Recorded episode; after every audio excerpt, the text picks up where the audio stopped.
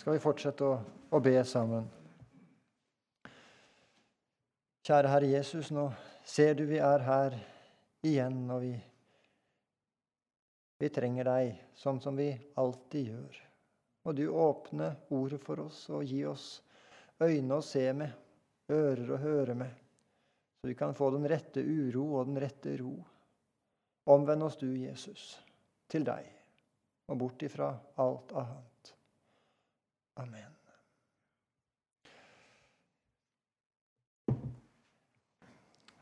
Det er så lett å tenke at nåden, det er starten, og så må det bli et alvor, og så må vi, må vi klare dette med å være en kristen. Så må vi få til dette å være en kristen. Men denne nåde som vi står i, det vitner om at det er nåden som gjelder hele vårt kristenliv. Hvis det ikke er nåde, så er det ikke kristenliv.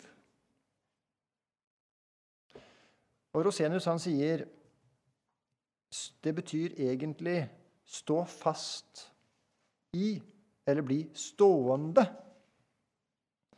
Det betyr altså å bli stående i nåden og aldri forlate nåden. Aldri tenke det at nå er det meg det kommer an på. Nå er det mitt alvor det kommer an på. Eller nå kan jeg ha både synden og nåden. Nei. Det er å bli stående i nåden. Hvis det var slik, sier Osenius, at nåden og rettferdigheten innenfor Gud i noen som helst grad var avhengig av noe i eller av oss, da eide vi ikke lenger noen nådestand. Nei, vi ville ikke et øyeblikk være under Guds nåde, fordi vi aldri et øyeblikk er uten synd. Aldri et øyeblikk er fullkommen overfor loven. Legg merke til dette, sier han. Var det slik at vi hadde Guds vennskap bare de gangene vi selv er mer kristelige og mindre skyldige til straff, men var, der, var derimot utenfor nåden når vi hadde syndet og falt. Da måtte jo rettferdigheten være noe vi kunne oppnå gjennom loven. Nei, slik kan det ikke være. Den tanken at vi i oss selv, når vi lever et best mulig kristelig liv, skulle behage Gud, men miste Hans nåde når det går dårligere med vår kristendom, er den groveste villfarelse. For sannheten er at vi ikke et eneste øyeblikk er så hellige at vi kan behage ham om han så på oss. Derfor må vi særdeles sterkt fastholde at Kristus ene og alene er vår rettferdighet innenfor Faderen at han for vår skyld fullkomment oppfylte alt det loven noen gang krever, og til slutt, i sin død, helt og holdent drepte fiendskapet, så vi fikk en evig fred hos Gud. Slik Paulus sier det i Efeserbrevet 2, 14 og 16. Han er vår fred og har drept fiendskapen på korset. En kirkefader sier dette, det kan ikke sies mer ettertrykkelig. Han sier ikke bare 'borttatt', 'oppløst', men det som er enda mer ettertrykkelig drept eller avlivet, slik at det aldri mer kan komme til live igjen. Så er det da slutt på Guds vrede for syndens skyld over dem som tror.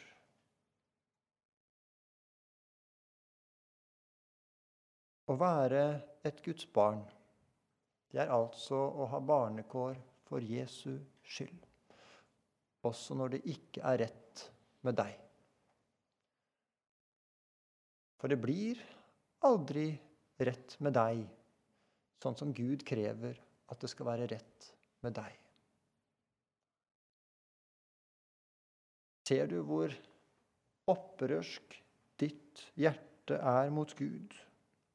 Hvor, hvor bakvendt det er med din tro, din omvendelse, din forståelse at du må jo ta det alvorlig, ellers så kan du ikke være en kristen.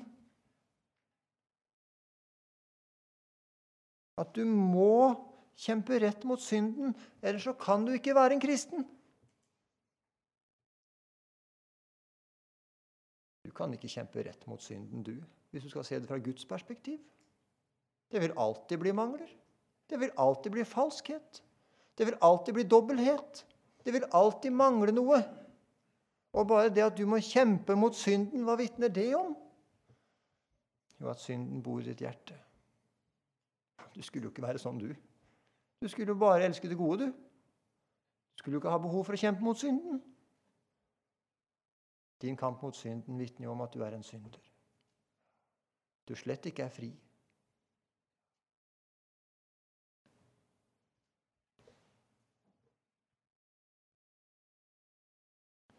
Så er det da denne store og trøsterike sannhetens viss, og bekreftet fra Skriften. Ingen fall eller skrøpeligheter, ingen skifting fra lysere til mørkere tilstand kan oppheve eller rokke ved vår nådestand så lenge vi lever i troen på Kristus og ikke helt faller fra ham. Nei, all synd som kan tenkes å ramme oss gjennom livet, skal bli utslettet og oppveid i det guddommelige nåderike, det som blir grunnlagt ved nådepakten i Kristus. Alt skal bli utslettet av den evige ypperste presten.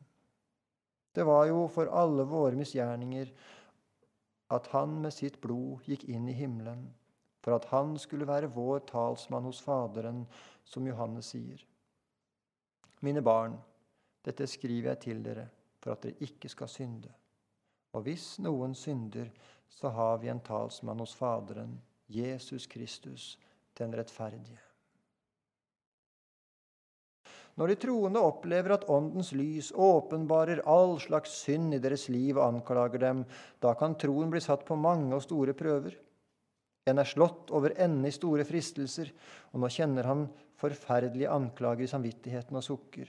Jeg har hatt et åpenbart fall. Jeg er falt ut av nåden. En annen klager over stadig press av fristelser.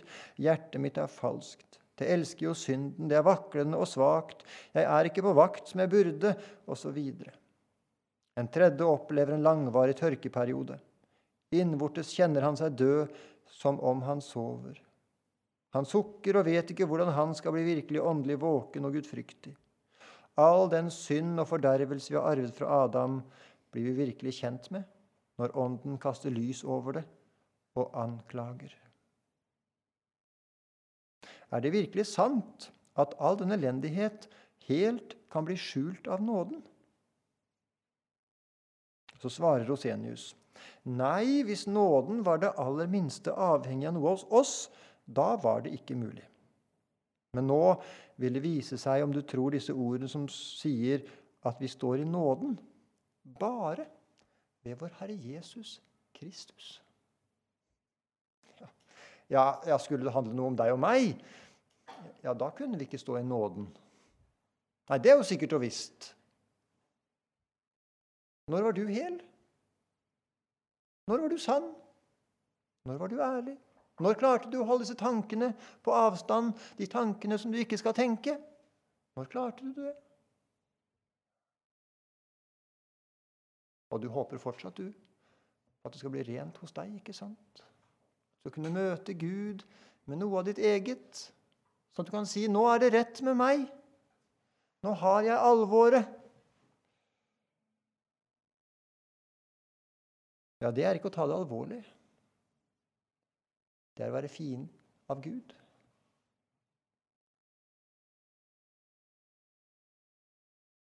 Og vi roser oss av håp om Guds herlighet. Guds herlighet.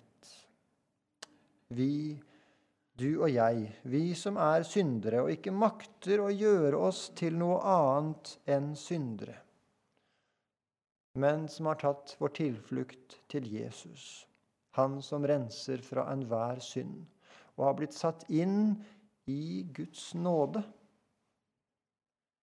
Vi roser oss av håp om Guds herlighet. Noen annen ros har vi ikke. Det er ingen annen ros en kristen har Ja, nå begynner det å ordne seg, gjør det ikke det? Nå har du kommet litt lenger på troens vei, så nå, nå tenker du ikke lenger sånn som du tenkte før. Nei, nå tenker du kanskje på noe helt annet, men, men det hjelper jo ingenting. Det hjelper jo ingenting. Roser oss av håp om Guds herlighet. Det er En kristen har én ros, og det er Guds herlighet. En kristen har slutta å ha tro på seg selv i forhold til Gud. I forhold til det å skulle bli ren hos Gud. Og, der er frelsesvisshetens eneste grunn. Nå tror jeg ikke lenger at jeg kan påvirke Gud, at jeg kan endre noe hos Gud, at det avhenger av hvordan det står med, til med meg i mitt gudsforhold. Det har ikke noe å si. Ingen av mine synder har noe med mitt gudsforhold å gjøre. Ja, da er det bare synde, da. Ja, sånn tenker kjødet. Sånn tenker kjødet om nåden. Men det er ikke nåde. Hva er nåde?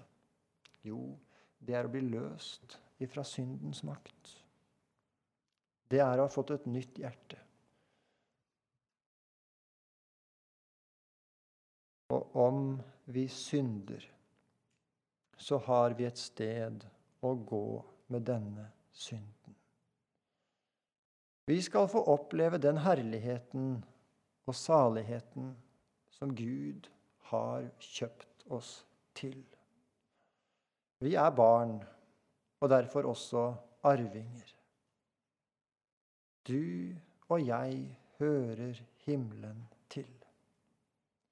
Og, og det, er en, det, er ikke et sånt usikkert håp, men det er en Rosenius kaller det en triumferende visshet i ditt og mitt håp. Og denne triumferende vissheten, den kan du ha, du som ikke makter å gjøre deg fri fra synden. Den kan du ha fordi Gud har kjøpt deg fri fra hva du er. Derfor har du dette håpet, denne vissheten, denne sikkerheten. Fordi du ser på Guds hjerte og ikke på ditt eget hjerte. Den som har gitt opp sitt eget, og nå bare setter sin lit til Han som rettferdiggjør den ugudelige. Han har visshet, for han stoler på Gud. Han hører på Gud og sier, 'Gud, du har sagt at jeg kan komme sånn som jeg er, og nå kommer jeg akkurat sånn som jeg er.' Og jeg kommer igjen. Dette behovet for nåde det skapes gjennom lov og evangelium. Loven skaper det ikke alene, og evangeliet skaper det ikke alene. Disse to virker sammen og skaper behov for å bli ren. Og så er det skapt en erkjennelse av at du makter ikke å bli ren, du, i ditt eget. En herlighet. En herlighet her i tiden, men først og fremst og aller mest i himmelen. Her i tiden så er dette håp om Guds herlighet. Det er noe som det er delvis. For det er noe du og jeg ikke eier synlig her. Vi eier det i himmelen. Der er det. Men denne skatten, den har vi ikke synlig del i her. Det er på samme måte som det er med helliggjørelsen. På samme måte som det er med de gode gjerningene. Ja, det følger et kristenliv. Men det er noe som er delvis her. Det er noe som er mangelfullt her. Det er noe som er i vekst, men aldri når 100% her. Men en dag så blir vi fri oss sjøl. Så blir vi fri det gamle mennesket. Og denne gleden over å en dag skulle bli fri meg sjøl og mitt eget gamle menneske, ja, det er en frydefull glede i det. Og nå er du, hvis du hører Jesus til, nå er du straks ferdig til å gå like inn i himmelen. Det er ikke sånn at du mangler noe på det. Har du Jesus, så har du alt. Har du Jesus, så har du det Gud krever. Vers 3. Ikke bare det, men vi roser oss også av våre trengsler, for vi vet at trengselen virker tålmodighet. Og tålmodigheten virker et prøvet sinn, og det prøvede sinn håp. Og håpet gjør ikke til skamme, for Guds kjærlighet er utøst i våre hjerter ved Den hellige ånd, som er oss gitt.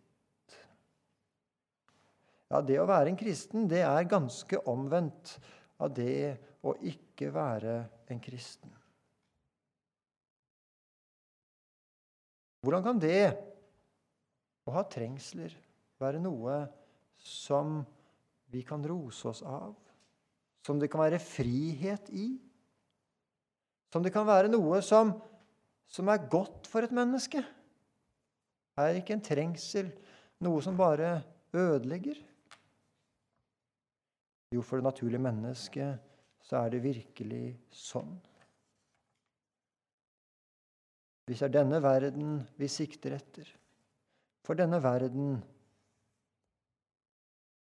har jo bare denne verden. Og trengsel er jo nettopp det at det blir vanskelig i denne verden. Det blir motgang, det blir lidelse, og det er fristelser.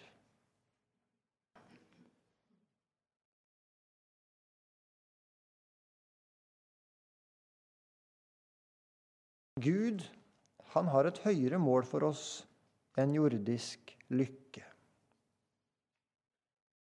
Han har et høyere mål for deg og meg enn at det skal ordne seg for oss i denne verden.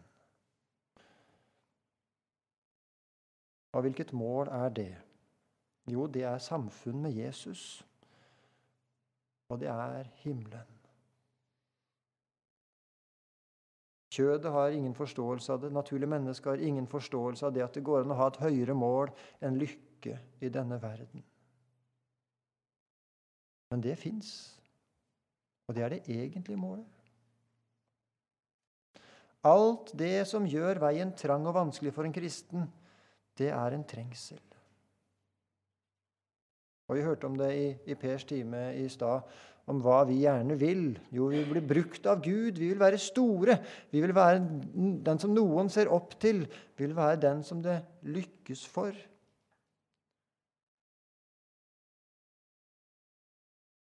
Det vil vi rose oss av. Og Øyvind Andersen, da han har bibeltime over dette her, så, så, sier han det at det var på en forkynnersamling. Og så begynte de å rose seg, den ene etter den andre, over hva Gud hadde brukt de til. Og så sier en eldre predikant der Her høres det ut som en, en hønsegård. Ei høne som har lagt et egg. Og, kak, kak, kak, kak, og så begynner de å legge egg alle sammen bortover. Og så, kak, kak, kak, kak, og så er det seg sjøl de roser seg av. 'Å, det er rett med meg, og Gud har brukt meg til det.' Og, og det er meg. Det er meg. Og det er ikke kristelig. Det kommer ikke av Gud. Men sånn vil du og jeg gjerne være. Vi vil gjerne skinne. Vi vil gjerne rose oss av hva vi har fått bety i Guds rike, eller at det er rett med oss på en eller annen måte. Men her er det en annen ros. Medgang for en kristen det er det som drar meg nærmere Jesus. Og motgang for en kristen er det som drar meg bort ifra Jesus.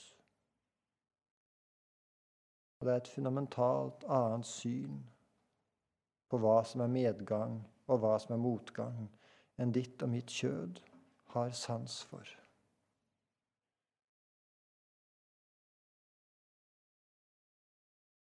Loven og trengselen, den åpner mitt hjerte for Jesus. Og det er det ingen andre som er i stand til å gjøre. For så lenge du og jeg har et håp om at det skal lykkes for oss i denne verden, at det skal lykkes for oss med vår kristendom eller noe annet, så setter vi vårt håp til vårt eget. Så ille er det med deg og meg. Hvis det skulle bli sånn at det er Jesus alene som blir stående over ditt og mitt liv, så må det trengsel til for at det skal skje. Trengselen den virker standhaftighet, virker utholdenhet, virker tålmodighet i troen. Det vil si en fasthet i det å klynge seg til og gjøre bruk av Guds løfter. Og når trenger man et løfte? Jo, når man er i nød. Og jo trangere veien blir for en kristen, jo mer øves han i å bruke løftene. Jo mer blir han utholdende og standhaftig i å stole på Gud. Og jo sterkere blir frelsesvissheten. For frelsesvissheten den kommer jo av Jesus alene, ikke sant? Sann frelsesvisshet. Når Jesus blir stående igjen som den eneste det er håp for. Håp ved. Derfor er det sånn historisk sett at det er fattige. Det er de det ikke lykkes for i livet. De det går i stykker for, som søker Jesus. De det lykkes for, de, de klarer seg grunn fint sjøl, med sitt eget.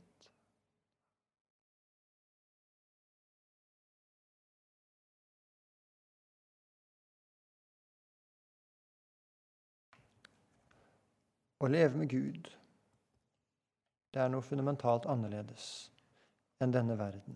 Men så er også målet helt annerledes enn for denne verden. Og det må du og jeg vite. At ditt mål er et annet enn målet for alle menneskene rundt deg. Og da kan du ikke gå samme veien som menneskene rundt deg går. Hvis du går den veien som de andre går, da havner du der de andre havner, da. Hvis du går etter rikdom,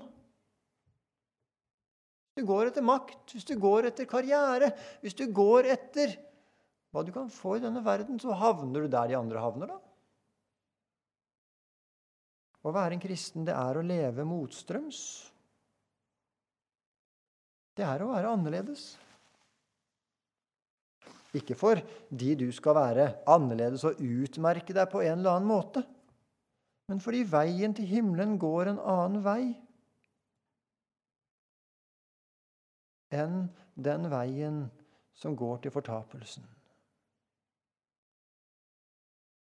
Og noen kristne de blir trøstesløse, og de mister helt motet når de rammes av timelige bekymringer og motgang og ulykke.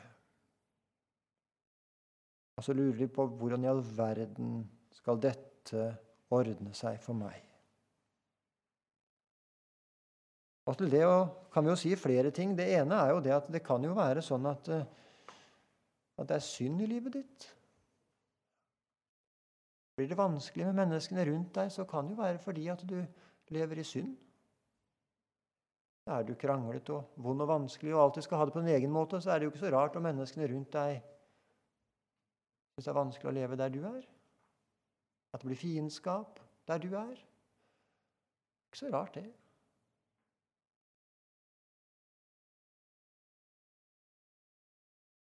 Lever du i synd, så er det jo ikke så rart heller at synden får sin følge. Det er ikke så rart.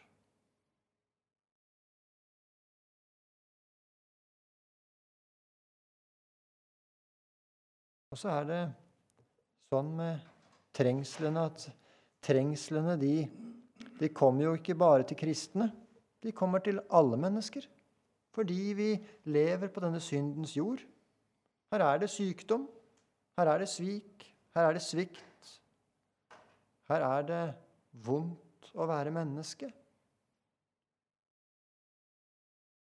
At mennesket ikke er godt, det bør man ikke være teolog for å finne ut av. Vi kan jo bare se på nyhetene, så vet du utmerket godt det at mennesket ikke er godt. Du kan du bare lese historien, så kan du lese det at hva er historie? Jo, det er jo historien om krig. Overgrep og vold. Det er historie. Men for en kristen så er det sånn at Gud han kan bruke enhver trengsel. Også den trengselen du sjøl er skyld i. Også den trengselen som kommer av vanlig motgang og lidelse som alle strir med. Og også den lidelsen, den trengselen du opplever fordi du er en kristen. Han kan bruke alt sammen til å dra deg inn til seg. Til å gjøre deg avhengig av seg. Tålmodigheten virker et prøvet sinn, og det prøvede sinn håp. Gjennom disse prøvelsene, trengslene, så søker Gud å løsne teltpluggene på ditt jordiske telt, sånn at du blir klar til å reise videre. Det er noe av det som er problemet for deg og meg. Vi banker disse teltpluggene så godt fast, og noen ganger så begynner vi til og med å bygge hus her. Vi har tenkt at her skal vi bli. Det er ikke sånn Gud har tenkt for deg og meg. Han vet at ingen av oss skal bli værende her. Og så løsner han teltpluggene for oss. For at du og jeg skal løses fra denne verden. Og det er nåde når Gud løser deg og meg fra denne verden. Det er nådegjerning. Men det er forferdelig ubarmhjertig, kjennes det ut. For vi vil jo ha det godt her.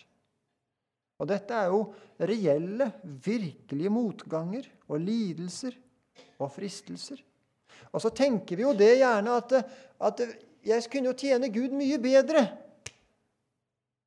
hvis det bare hadde ikke vært for den tingen der eller den tingen der, eller den tingen der, så kunne jeg jo gjort mer Guds rike. Så kunne jeg vært sånn at jeg kunne vært mer til hjelp i Guds rike. Så er det ikke sånn. Og så setter jo du og jeg oss over Gud, og så tenker vi hvis Gud bare gjorde som oss, som vi tenker, så ville Gud gjøre det rette. Og så må vi bare be skje din vilje, Gud. Styr du min gang gjennom denne verden. Og så er det ikke sånn og vi ofte tenker at hvis vi bare hadde fått den oppgaven som hun har, eller de evnene som han hadde, da skulle jeg tjene Gud, da. Men sånn som jeg har det nå, så kan ikke jeg tjene Gud.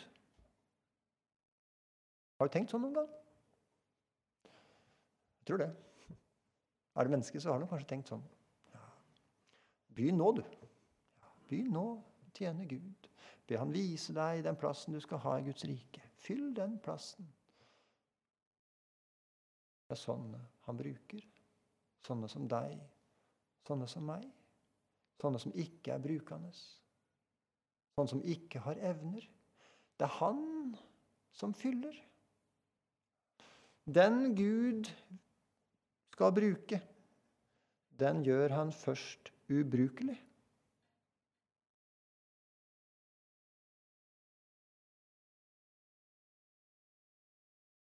Sånn at han kan være den som virker gjennom den ubrukelige.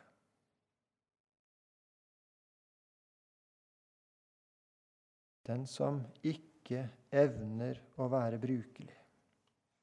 Og hvordan kan dette være Gud til ære? Jo, det er nett nettopp det det er. Og så må du og jeg bare si det sånn som det er, at dette forstår jeg ikke, Gud. Dette begriper jeg ikke. At dette skal være veien i mitt liv. Men det viser jo bare hvor mye høyere Gud er enn deg og meg. Og Vi tenker jo altså det at vi skal tjene Gud bedre hvis vi har helse, hvis vi har framgang, hvis det, hvis det lykkes for oss i tjenesten.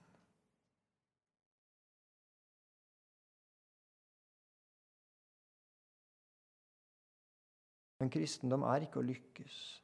Det er å ha blitt gjort avhengig av Jesus.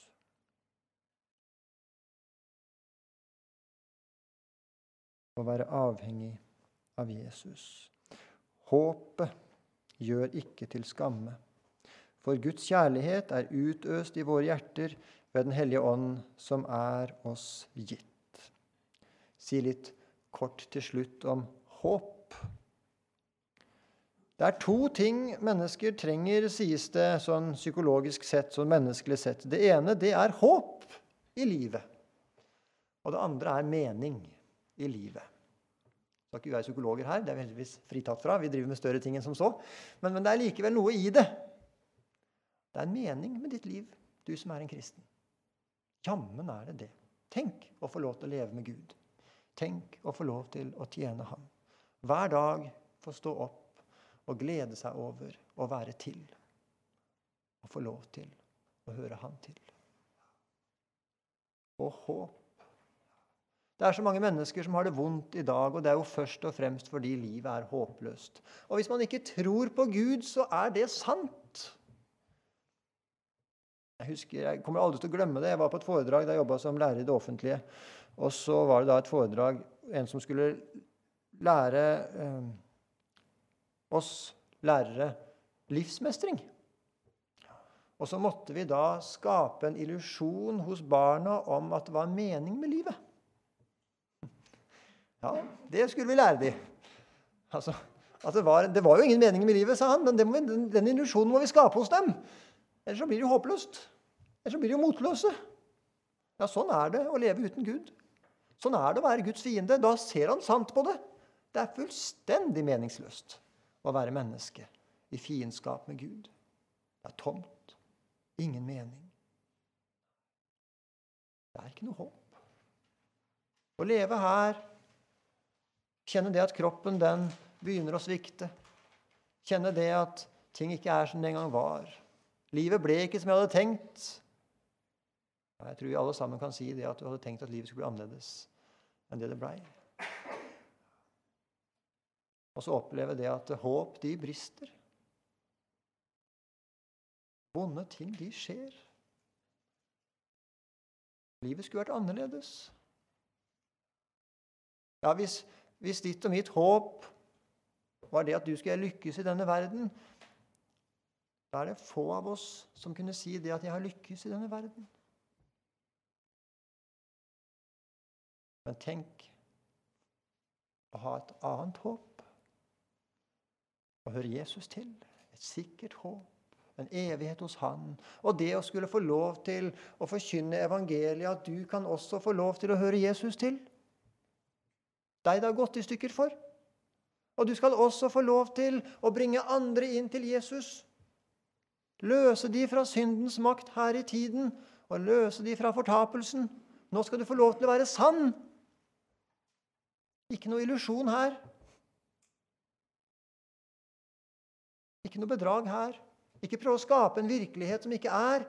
Men nå skal vi få lov til å være sanne. Å, hvor godt det er å være menneske, også jordisk sett, å være sann og si ting akkurat sånn som det er. For et håp. For en visshet. For en frihet. Og denne friheten det er altså en person. Det er Jesus. Og håpet gjør ikke til skamme, for Guds kjærlighet er utøst i våre hjerter ved Den hellige ånd, som er oss gitt. De forelesningene som vi finner av Øyvind Andersen på nett, de er jo fra slutten av 70-tallet og begynnelsen av 80-tallet. Da er han en gammel, gammel mann. Og så er det jo ikke så sjelden han sier 'dette kan jeg ikke forklare', sier han. Det, det, dette er ikke mulig å forklare for et menneske. Jeg må bare lese sånn som det står her.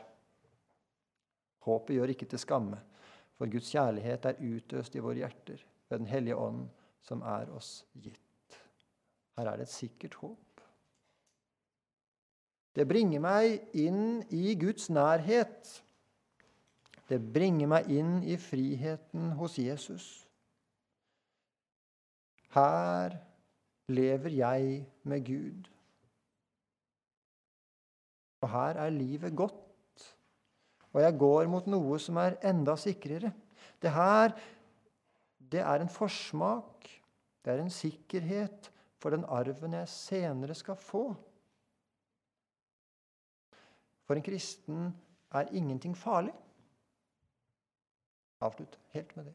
For en kristen er ingenting farlig. Ingenting usikkert. Der er alt godt i framtiden, samme hva som skulle ramme oss her. For Guds kjærlighet er utøst i våre hjerter ved Den hellige ånd, som er oss gitt. Kjære Jesus, vi, vi takker for det. At håpet, at du er vårt håp. Og i deg så har vi fred med Gud, og vi kan erfare fred fra Gud.